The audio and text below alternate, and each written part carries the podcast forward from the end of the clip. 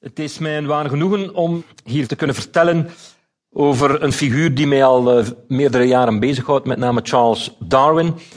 U bent natuurlijk allemaal met de persoon vertrouwd. Ik zal uh, enkele hoogtepunten van zijn leven bespreken en gaandeweg ook uiteenzetten wat zijn werk eigenlijk inhoudt, dus wat precies zijn bevindingen zijn geweest. U kent natuurlijk allemaal de belangrijkste aspecten van de evolutietheorie, maar ik tracht het u uiteen te zetten aan de hand van uh, Darwins eigen intellectuele ontwikkeling. Dus uh, u krijgt een overzicht van zijn leven en werk.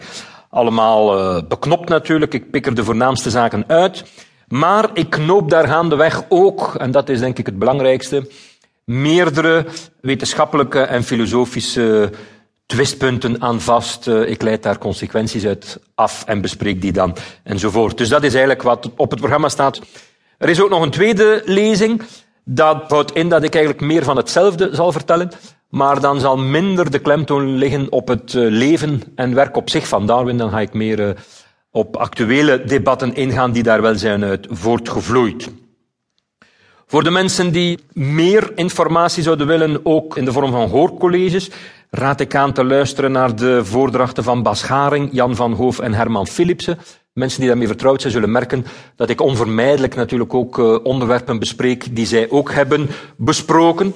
Maar evolutietheorie is zo rijk, dat ook dat hoop ik u natuurlijk duidelijk te maken, dat er bijzonder veel over te vertellen valt. En ieder doet het natuurlijk toch min of meer op zijn of haar eigen manier. Nu, wat Darwin zelf betreft, dus de figuur, 19e-eeuwse figuur Charles Darwin, start ik graag met een uitspraak die hij zelf heeft gedaan in zijn autobiografie. Ik zal zo nu en dan naar dat boekje, die autobiografie, teruggrijpen, daar ook hier en daaruit uh, citeren. Laat ik misschien meteen al vertellen wat voor een tekst dat is. Het is een tekst die hij geschreven heeft op uh, latere leeftijd, dus toen hij, als ik dat zo mag zeggen, zijn einde eigenlijk al voelde naderen. En uh, de tekst was oorspronkelijk enkel bedoeld voor zijn kinderen en eventueel ook kleinkinderen. Dus hij maakt een beetje een overzicht van zijn eigen leven en werk. Op een zeer open en eerlijke manier. Een beetje typisch voor de manier waarop hij meestal wel uh, schreef, tenminste toch uh, in brieven. En dat boekje, die autobiografie, was eigenlijk niet bedoeld voor publicatie. Dus hij spreekt daar nogal vrij uit in. Natuurlijk laat zijn geheugen hem zo nu en dan wel wat in de steek. Dus uh, historici achteraf hebben we wel een paar zaken kunnen herzien of kunnen reconstrueren. Dat is niet abnormaal. Maar je kunt er toch van uitgaan dat hij daar in volle eerlijkheid op papier zet hoe hij zijn leven en werk zelf inschatte naar zijn kinderen toe. Over een aantal zaken was hij misschien te eerlijk, zou je kunnen zeggen. Met name over religie. Hij schrijft een paar hele mooie pagina's over religie, hoe, hoe dat langzaam maar zeker als het ware verdampte. Hij was zeer gelovig als jonge man, ik zal daar verder op ingaan. Maar dat is langzaam maar zeker, als het ware, opgelost. Dus verdwenen, zonder dat dat bij hem een soort persoonlijke crisis heeft veroorzaakt of wat dan ook. Sommige van zijn kinderen vonden dat het misschien wat te gewaagd was om die pagina's erin te laten. Ze hadden namelijk besloten om dan toch dat boekje te publiceren en er is dan eerst een gecensureerde versie uitgebracht. Later natuurlijk, gelukkig, hebben we dan weer een, uh, de authentieke versie gekregen. En ondertussen, zoals u misschien weet, is die ook uh, in het Nederlands vertaald uh, door uitgeverij Nieuwe Zijds. Dus ja, een absolute aanrader voor wie nog niks gelezen heeft van Darwin, is het eigenlijk geen slecht begin om meteen zijn autobiografie te lezen.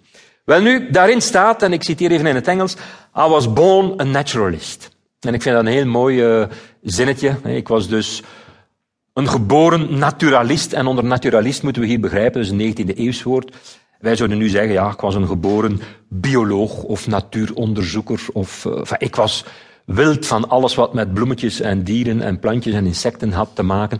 Dus zo'n kind was Darwin. En ik vind dat belangrijk om daarmee te starten. Dus Darwin wordt vaak afgeschilderd door mensen die hem niet zo goed kennen misschien als iemand die eigenlijk een soort amateur was. Hij heeft nooit een echte studie afgerond, heeft nooit een doctoraat behaald bijvoorbeeld, heeft nooit aan een universiteit onderzoek gedaan of gedoseerd.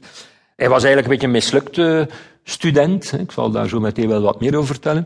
Dus men denkt, ja, het is een man die eigenlijk een hobbyist was, een amateur, en die bijna per toeval botste op de kern van de evolutietheorie. Als men die opvatting heeft, getuigt dat eigenlijk toch van een onderschatting van wie Darwin als persoon was, maar het houdt ook een onderschatting in van de immense complexiteit van de theorie zelf. Het is niet één ideetje, die theorie. Het is niet iets wat je kon krijgen terwijl je